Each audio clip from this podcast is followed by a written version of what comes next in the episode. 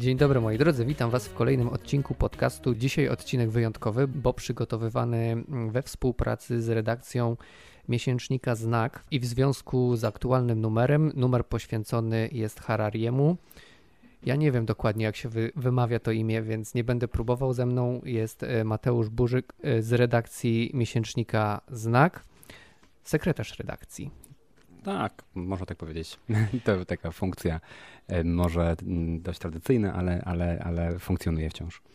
No więc jak się właściwie wymawia Harariego imię? Ja mówię po prostu Yuval Noah. Być może te H powinno być nieme, więc Yuval Noah, ale pewnie ktoś znający język hebrajski by mnie jeszcze tutaj poprawił ale myślę, że to nie odbiega bardzo od e, formy, która jest do przyjęcia. Przed nami nowy numer znaku, to jest numer listopadowy i w związku z naszą współpracą, którą um, mamy tutaj ze znakiem, jest taki mały bonusik pod odcinkiem. Znajdziecie link do link, dzięki któremu otrzymacie rabat na numer miesięcznika znak. Jeżeli będziecie chcieli kupić sobie go w papierze, to jest aż 20% na, mm, na zakup miesięcznika tego numeru. Promocja jest aktualna do końca listopada, także macie jeszcze kilka dni, możecie sobie kupić, jeżeli zostaniecie na przykład e, zachęceni naszą rozmową o Hararim, a na końcu powiemy też yy, o tym, co oprócz Harariego możemy znaleźć w tym numerze.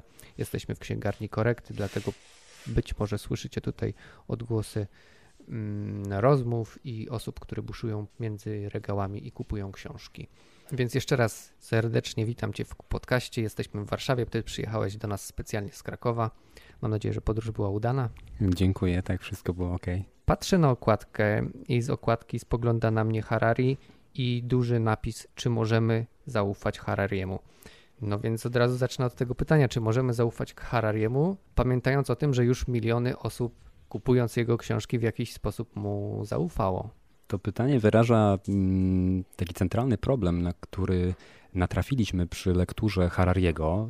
Y, mówię mm, o osobach, które przygotowywały numer, które były zaangażowane w numer w redakcji. I mm, postawiliśmy sobie to pytanie właściwie dopiero po ostatniej książce, po książce zatytułowanej 21 lekcji na XXI wiek. Ponieważ e, razem z, wraz z tą książką Harari wkroczył na kolejną dziedzinę wiedzy, czy też na kolejną e, dyscyplinę, której mm, wypowiadał się jako autorytet. Wcześniej wiemy, że napisał mm, światowy bestseller, który cieszy się największą sprzedażą. E, to jest Sapiens, krótka historia, e, przepraszam, od, od zwierząt do bogów. Taki był podtytuł książki Sapiens. To była zawarta na 500 stronach historia ludzkości. Y, drugą książką Harariego był, y, była publikacja Homo Deus, właśnie z podtytułem y, Krótka historia jutra. Tutaj Harari wyszedł już ku przyszłości, zastanawia się nad tym, jak będzie się układać przyszłość ludzkiego gatunku. A w książce 21 lekcji na XXI wiek zajmował się tym, co jest teraz. I o ile we wcześniejszych książkach zajmował się historią, ale też e, taką psychologią e, ewolucyjną, również zdolnościami mm, poznawczymi człowieka, a następnie w książce Homodeus e, właśnie tym, jak e, technologią, biotechnologią, zdolnościami informatycznymi, które w połączeniu z, bio, z biotechnologią mogą dać taki skok jakościowy ludzkiej naturze, to w tej ostatniej publikacji, 21 lekcji, Harari zajął się jeszcze sprawami politycznymi na przykład. I mieliśmy tutaj takie poczucie, że właściwie czytając Harariego, to można dowiedzieć się wszystkiego, a jednocześnie on jest takim specjalistą od wszystkiego.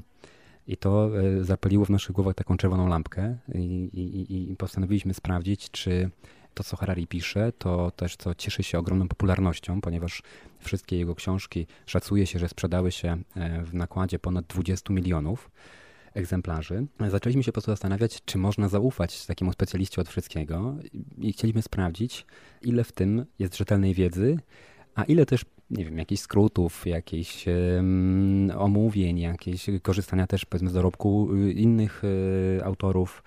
Chcieliśmy to po prostu sprawdzić. Stąd to pytanie, dla, czy, czy możemy mu zaufać, jest takim pytaniem też, czy, mm, czy jest y, możliwe, by jedna osoba zgromadziła taką ogromną wiedzę, czy jest możliwe, by właśnie człowiek zastąpił y, wyszukiwarkę Google'a, bo, bo może z, odrobiną przesady powiedzieć, że u Harariego znajdziemy odpowiedzi na właściwie na wszystkie pytania, które mogą przyjść do głowy.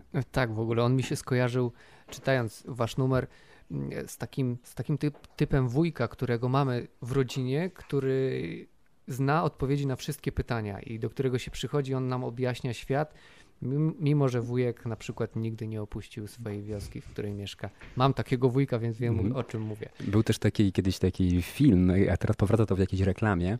Tato, a Marcin powiedział, że jego tata powiedział. Prawda? Więc ten tata Marcina y, wie o wszystkim. Być może to jest taka, taka prefiguracja e, Harariego. E, tak, ale w ogóle, w ogóle zacznijmy od tego, że nawet ta książka Sapiens to nie była książka napisana mm, jakby z dziedziny, którą Harari się zajmował, bo on się w ogóle zajmował czymś zupełnie innym na Uniwersytecie w Jerozolimie, gdzie, gdzie wykładał. Tak, Harari y, y, doktoryzował się y, z historii wojskowości w średniowieczu. Napisał też taką książkę o akcjach specjalnych w dobie rycerstwa. E, oraz o, o, o, o, takich pamiętnikach w dobie średniowiecza i renesansu, pamiętnikach z, z, z, z działań wojennych. Więc to było, to, to, to jest jego e, specjalizacja naukowa. Natomiast e, historią globalną Harry też się zajmował na swoim uniwersytecie.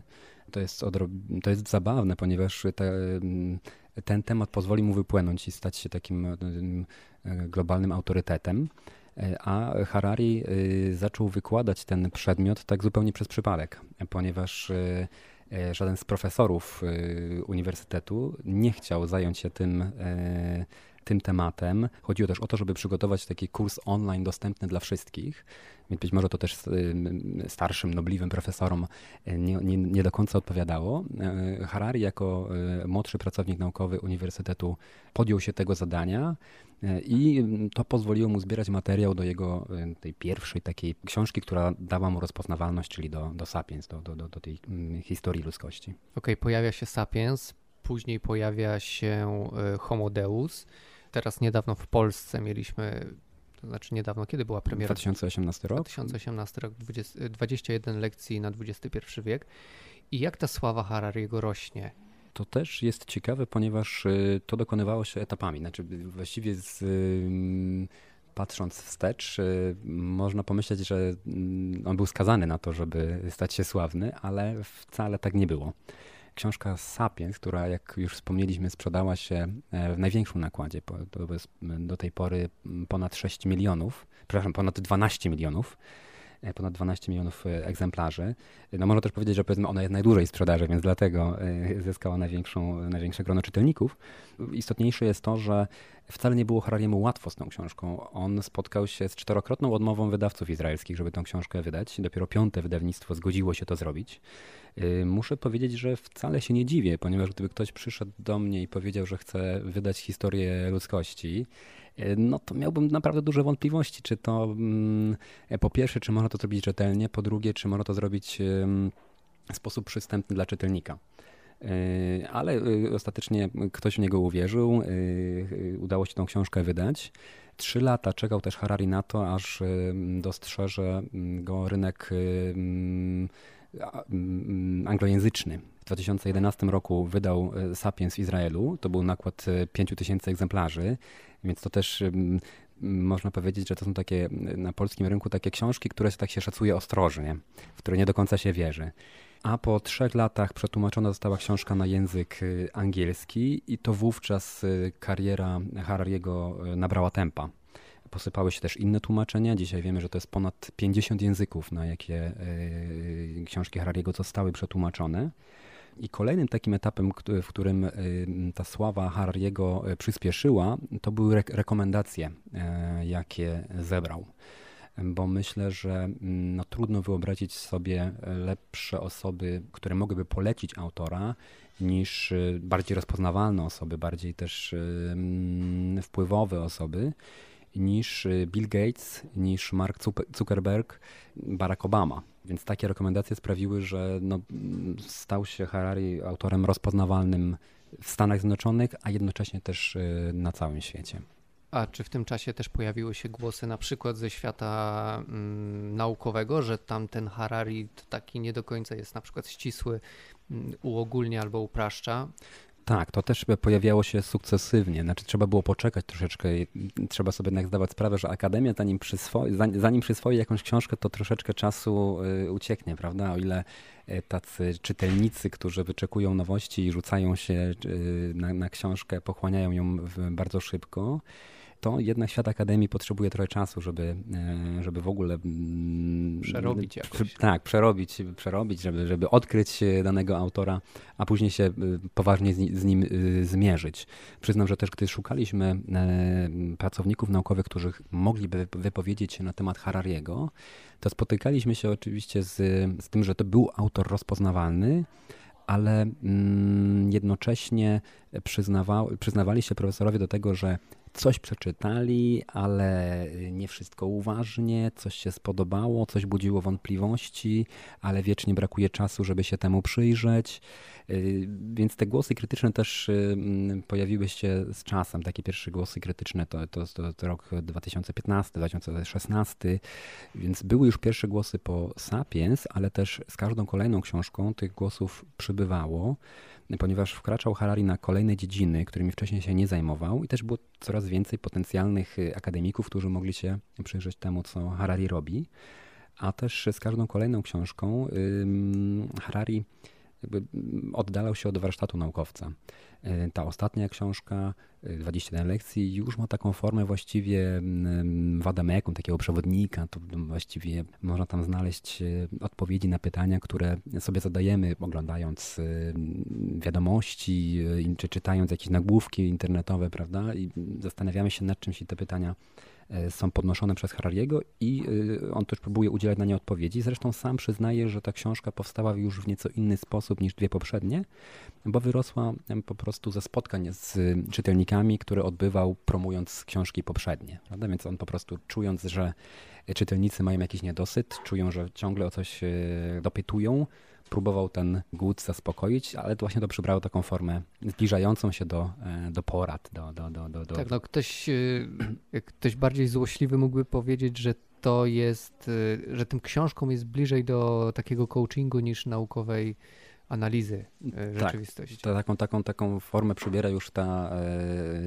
dopisanie Harariego w 21, lekc- 21 lekcjach na XXI wiek.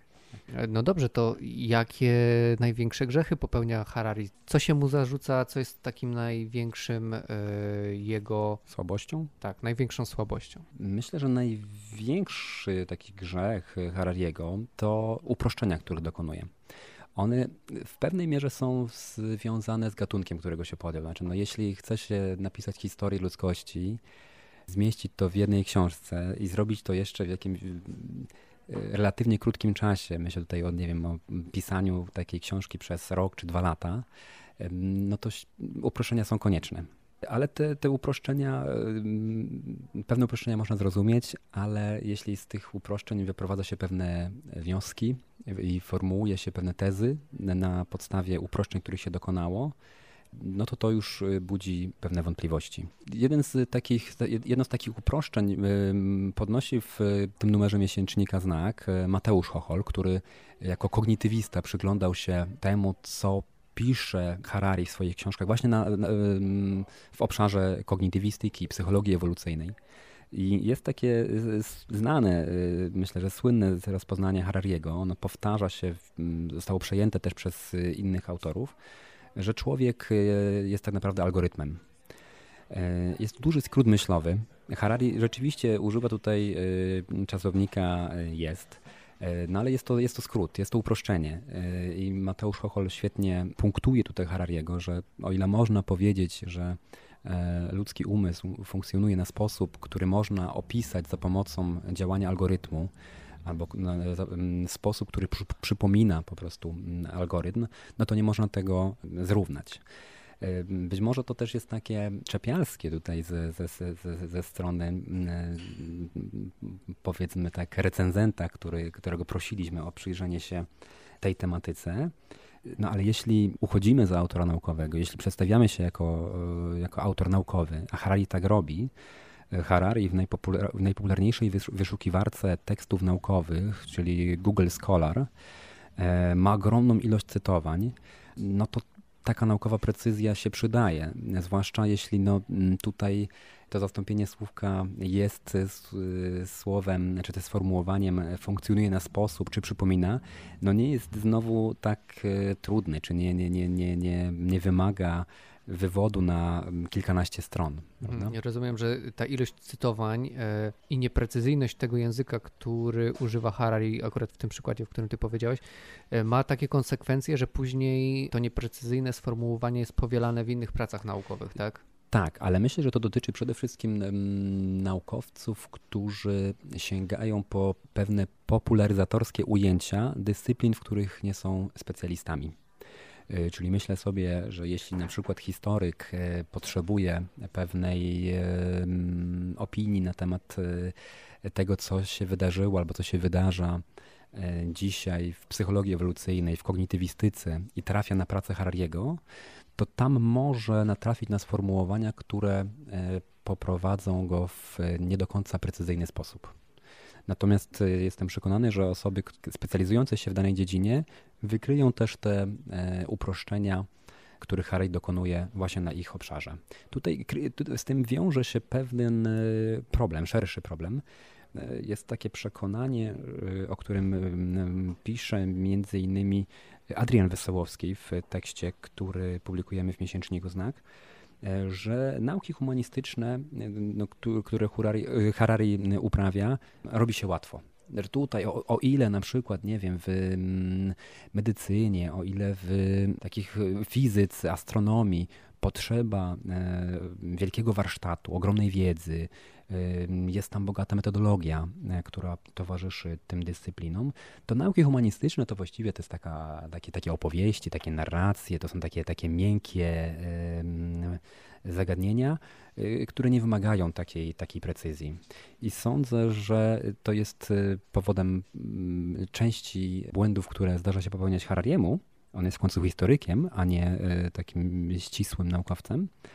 A z drugiej strony osoby wywodzące się też z humanistyki i, i, i szukające e, wiedzy na temat e, innych dyscyplin multiplikują jego, e, jego, powielają jego błędy bo mają takie przekonanie właśnie, że... Że, że to jest Harari. Przecież. Tak, że to jest Harari, a też i tutaj jest kolejna sprawa, że autorytet Harariego wzrasta. Z jednej strony on z każdą książką wystawiał się na krytykę kolejnych y, akademików, kolejnych specjalistów, kolejnych naukowców, ale z drugiej strony można powiedzieć, że dzięki temu, że zajmował się kolejnymi dyscyplinami, to jego autorytet rósł. On, on tak... Ale rósł wśród pewnie innej zupełnie innej grupy. grupy. Tak, ale właściwie można powiedzieć, że jeśli to jest człowiek, który potrafi zrozumieć to, to i jeszcze coś innego, no to musi być geniuszem, prawda? I tutaj właściwie ten autorytet urósł do takiego miana, że to, to, to musi być geniusz, skoro on zarazem świetnie się zna na historii, ale też wie, co się dzieje w naszym mózgu i potrafi stawiać prognozy na temat tego, jak będzie wyglądać przyszłość, to gość musi być e, naprawdę łebski, musi być geniuszem. E, no tak, i potwierdzają to po prostu liczby książek, sprzedanych książek przez Harariego. Chciałem zapytać, czy w tym swoim upraszczaniu, w tym nie, nie do końca i będąc nie do końca precyzyjnym, czy Harari mm, jest też w jakiś sposób szkodliwy dla nas, czytelników? Takie głosy podnoszą autorzy, których zaprosiliśmy do numeru, ale mm, myślę, że to trzeba zróżnicować. Myślę, że Harari ma też y, bardzo pożyteczny wkład w popularyzację wiedzy. Myślę, że gdyby E, było więcej takich osób, które mm, mają ten poziom wiedzy co Harari, to byłoby fantastycznie. Myślę, że dzięki jego książkom jednak wiele osób dowiedziało się o, o, o, mnóstwie problemów. Mogło sobie te problemy postawić, mogło je sobie uświadomić. No dokładnie, miałem ten sam efekt. Y, I czytając książki Harariego, i czytając wasz numer. Liczba pytań, jakie on w głowie generuje, czy to też czytając jego wywiad na przykład, mm, liczba tych pytań, które się pojawiają, naprawdę jest ogromna i to są pytania bardzo ciekawe, które można sobie właśnie jadąc autobusem rozkminiać w swojej głowie. I to jest pożyteczne, mi się wydaje. Tak, myślę, że to jest, to jest trudno przecenić właściwie y, to, co Harariemu udało się zrobić, bo on jednak dotarł do tak ogromnej rzeszy czytelników, że mm, to mm, chyba jeszcze nikt tego nie zrobił, a jednocześnie no, do, do, do nich wszystkich y, dotarł z naprawdę istotnymi pytaniami, które, które trzeba sobie postawić, które, które trzeba przemyśleć i na które jako, jako ludzkość musimy mm, powoli zacząć, a mm, może nie, nie nawet powoli, a całkiem szybko udzielać odpowiedzi.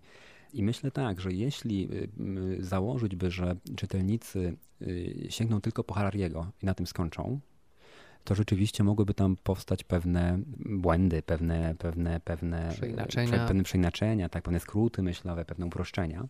Ale myślę jednak, że lektura książek Harariego jest na tyle fajnym doświadczeniem, że ona właściwie zachęca do tego, żeby szukać dalej, żeby drążyć te tematy, żeby szukać kolejnych książek, żeby te tematy, dowiadywać się więcej po prostu na temat e, kwestii, o których Harari napisał. I też Więc... chyba nie traktować Harariego jako wyroczni. E, tak, znaczy z jednej strony jest taka pokusa, żeby właściwie pójść na skróty i jeśli tutaj mamy historię ludzkości, tutaj mamy y, prognozę na przyszłość i taki poradnik, co robić dzisiaj, no to właściwie mamy wszystko, trzy książki na półce i to jest taka cała biblioteczka. Tak jak kiedyś kupowało się encyklopedię, no to teraz mamy Harariego i, i, i, i wiemy wszystko. No ale ja jednak wierzę w czytelników, wierzę w ludzi, że y, nie poprzestają na tym, ale mm, raczej doświadczenie takiej lektury pobudza ich do tego, żeby robić coś więcej. Myślę, że też z lektury Harariego wiele osób wynosi takie doświadczenie obcowania z jakąś fantastyczną wyobraźnią, znaczy, żeby, żeby opisać te rzeczy w sposób, który udało się zrobić Harariemu to naprawdę jest coś, coś niezwykłego. Znaczy, żeby, bo Harari też, on, on, on, nie opisuje e, faktów, on jednak tworzy pewne opowieści, tworzy pewne obrazy. E, poprzez jakieś e, symbole próbuje przekazać jakiś proces historyczny. I to, i, i to naprawdę wymaga ogromnych umiejętności. I, i, I, być może to nie zostało dostatecznie w naszym numerze wyeksponowane, y, ale, ale a, a, a to jest fakt. Myślę, że mm, właściwie każdy może Harariemu zazdrościć takie umiejętności e, szerokiego spojrzenia, kojarzenia faktów, ujęcia pewnego procesu w bardzo jasny sposób i też również czytania historii w, w, sposób, który nie jest, nie jest czytania i przedstawiania historii w sposób, który nie jest nudny, który zaskakuje. Bo ta historia, historie, które przedstawia Harari, one nie są takie liniowe. Tam są momenty pewnych załamań, tam są y, chwile, gdy się zaskakujemy. Y, o ile mm, po takiej edukacji możemy myśleć, że tak, to człowiek właśnie udomowił zwierzęta i y, nauczył się uprawiać pszenicy, to Harari powie, że wcale tak nie było, że to właściwie zwierzęta udomowiły nas i, i, i to ta pszenica sprawiła, że przestaliśmy swobodnie spacerować po ziemi, zbierać jabłuszka i grzyby i taki wieść taki, wieść taki swobodny tryb życia. Tak, ale w tym momencie, kiedy przeczytałem właśnie ten fragment o, o udomawianiu przez zwierzęta, zadałem sobie w głowie takie pytanie, czy on nie odwraca tych wszystkich rzeczy na siłę trochę, mhm. trochę żeby zrobić wrażenie, że ja myślę inaczej. Tak, to jest taki jego chwyt. To jest taki jego chwyt. Myślę, że to właśnie e, sprawia, że czujemy się zaskakiwani, że chcemy czytać dalej, że chcemy kolejnej książki i nawet pojawia się takie sformułowanie w jednym z tekstów w numerze infotainment że Harari to on tak właściwie obiecuje nam taką intelektualną przygodę. Czytamy i to jest taka przejażdżka e, po historii, czy też przejażdżka po tym, jak może wyglądać e, historia ludzkości. Jeden z autorów, Mateusz Chochol, przyznaje się do, tego, że książek Harariego po prostu słucha jako audiobooków bo y, można się rozsiąść wygodnie i, i, i po prostu y, zasłuchać w tej w tych, Ale to prawda, opowieści. bo ja tutaj mówiłem, że czytam Harariego, ale ja po prostu wszystkich książek wysłuchałem. Mhm. A czy Harari jest y, jakimś takim nowym typem naukowca, kogoś, kto. No bo powiedzieliśmy o infotainment, które w mediach się już dawno pojawiło. W nauce jest jeszcze raczej jakimś nowym. Sam Harari też jest postacią, jest naukowcem, ale jest takim naukowcem celebrytą, też nowym, nową figurą taką. Mhm. Na pewno coś jest w, w, tym na rzeczy. Na pewno jeśli chodzi o warunki polskie, to to jest zupełnie, y, zupełna nowość. Y, bo tak, Harari y, łączy kilka dyscyplin. On potrafi opowiadać jednocześnie w tej samej książce o kilku dyscyplinach. E, oczywiście ten postulat interdyscyplinarności podnoszony jest od wielu lat e, w nauce, no ale y, no jak on wychodzi, no to, to, to, to, to wiemy, no niekoniecznie dobrze. Harariemu się to udaje.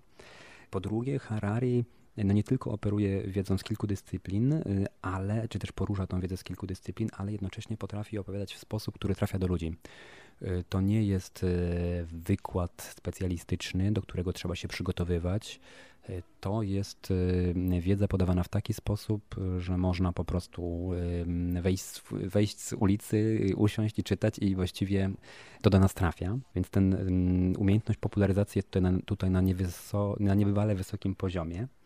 Harari potrafi też opowiadać w sposób taki, który właśnie używa tych chwytów pewnych, prawda? Pewnych, e, pewnych rozwiązań takich retorycznych, które e, właściwie sprawiają, że jesteśmy tacy przyspawani do tej książki, nie chcemy tak, jej są odkładać. Jakieś analogie do życia mhm. codziennego, jakieś takie małe przykłady, które są właśnie bliskie codzienności. To jest silnie działa na wyobraźnię. Tak, i, i, i jeszcze powiedziałbym, że y, Harari odwołuje się do naszych emocji. On też e, mówi tak, e, zobaczcie jak daleko do, e, zaszliśmy jako gatunek, zobaczcie czego dokonaliśmy. Żyjemy naprawdę w niebywale istotnym momencie. Od tego jak, się, jak, jak dzisiaj się zachowamy zależy przyszłość.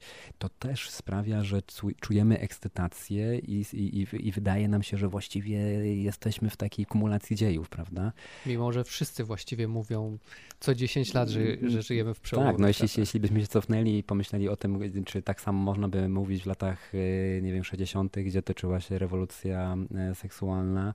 I to albo, też byłaby prawda. E, tak, albo nie wiem, gdzieś w latach II wojny światowej właściwie e, to, to, to, to wrażenie można powielać. No tak samo piszecie w numerze, w numerze piszecie o Fukuyamie, który też był takim wielkim myślicielem i też mówił o tych przełomach, o, o, o przełomowym momencie. Tak, bo to jest takie zestawienie dosyć ciekawe, ponieważ y, dzisiaj przeżywamy, jak się wydaje, taki renesans historii powszechnej.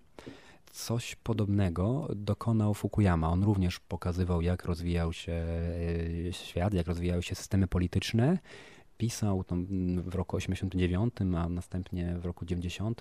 Raz był esej, a potem powstała książka no, że jesteśmy w takim, w końcu, u końcu historii, tak? że, że, że, że teraz jest ten moment dziejowy, który, który, który wieńczy historię ludzkości. E, Zwyciężył liberalizm, upadł komunizm i teraz już właściwie nic nie będzie, będzie dobrze. Tak, możemy się zajmować właściwie takimi e, błahymi sprawami. No, już te wielkie spory upadły i dzisiaj możemy e, skupić się na takich przyjemnościach życia.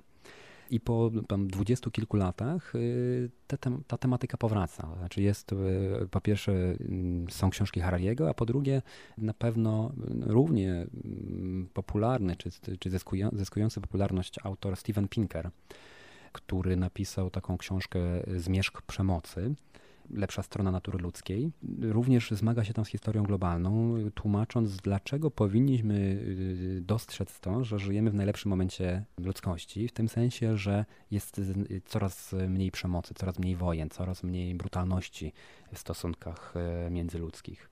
Więc e, przynajmniej na podstawie tych dwóch popularnych autorów, można powiedzieć, że ta perspektywa, która towarzyszyła e, na przełomie lat 80. i 90. Fukuyamie, dzisiaj przeżywa taki swój renesans. Tak, tylko że trzeba też zaznaczyć, że z punktu widzenia człowieka, bo na przykład jeżeli spojrzymy z punktu widzenia na przykład natury, e, no to to nie jest najlepszy moment. Dla człowieka mhm. jest oczywiście super, bo rzeczywiście zmniejsza się głód, coraz mniej, z każdym rokiem jest właściwie mniej ofiar wojen. Mhm ale, ale środowiskowo jest. Tak, to jest też ciekawa sprawa, ponieważ e, obecnie bardzo dużo mówi się o katastrofie klimatycznej, i widać, że w książkach Harariego, że to nie był temat, który był Harariemu od początku bliski.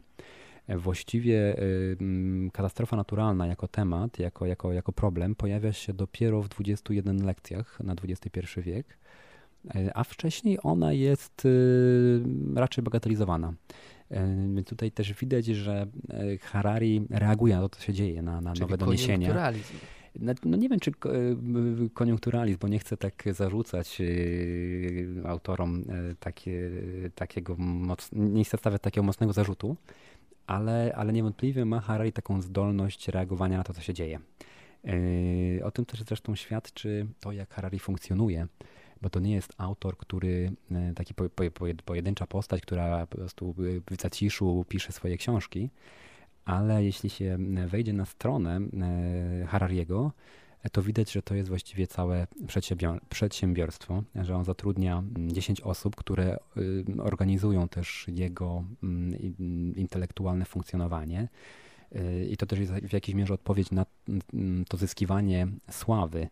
Y, znaczy, po pierwsze, pewnie mogę się domyślać, że jest tyle zgłoszeń i zaproszeń do Harariego, że ktoś musi się tym zajmować, ktoś musi to obsługiwać, ale z drugiej strony na pewno nie są to tylko odpowiedzi, ponieważ Harari zatrudnia w gronie tych 10 osób y, specjalisty od rynku chińskiego, y, czyli też no, wie, gdzie jest wielu potencjalnych czytelników i stara się kierować do tych czytelników swoją ofertę. Dobrze, to może tyle o Hararim, bo już tutaj wszystko zdradzimy, co jest w numerze. Odsyłamy do numeru znaku, to jest numer listopadowy. A teraz chciałbym Cię zapytać, jakie inne teksty z miesięcznika poleciłbyś? Jakieś takie dwa swoje ulubione? Ja powiem o jednym swoim. Mm, okej, okay, to jestem ciekawy, czy jakoś tutaj y, y, nałożą się te typy. Ja bardzo, bardzo, bardzo lubię z tego numeru tekst y, Łukasza Kwiatka o empatii. No i, no i to był mój tekst właśnie. no to ja dołożę jeszcze jakieś inne. E, ale e, również chciałem ten tekst wyróżnić z tego powodu, że on bardzo koresponduje z tym, czym zajmuje się Harari. Znaczy to jest taka e, Łukasz Kwiatek tutaj dotyka problemów dotyczących kognitywistyki, psychologii,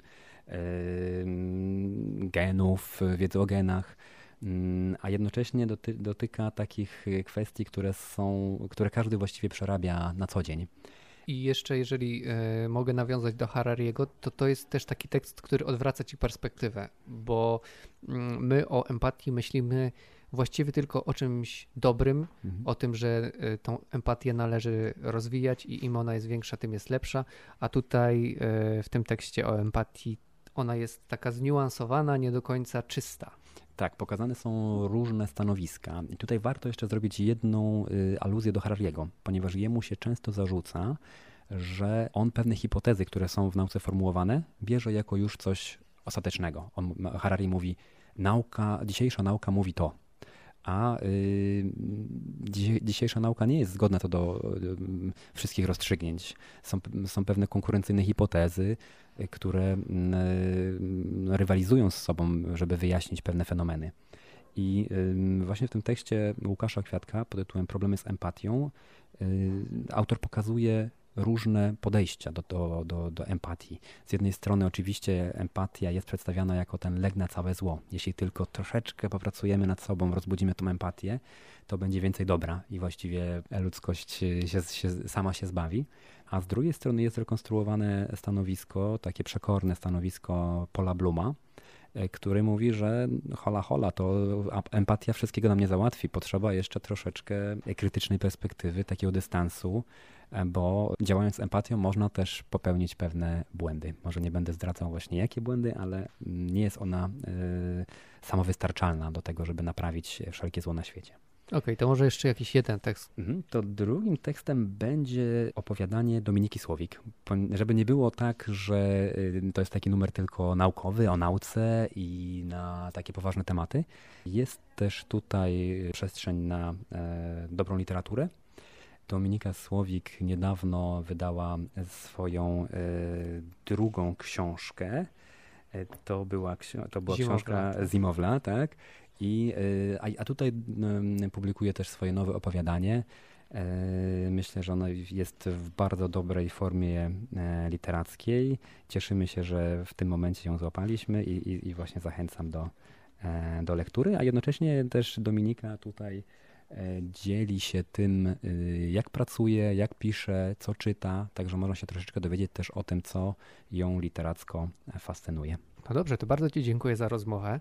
Was zapraszam i odsyłam do czytania miesięcznika Znak. Numer z Hararim, tak jak powiedziałem na początku rozmowy, możecie dostać 20% taniej, jeżeli klikniecie w link, który znajduje się pod, e, pod tym podcastem. Dziękuję Ci, Mateuszu, za rozmowę. Dziękuję bardzo. A Wam bardzo dziękuję, że słuchacie tego podcastu do końca. Trzymajcie się i do usłyszenia następnym razem.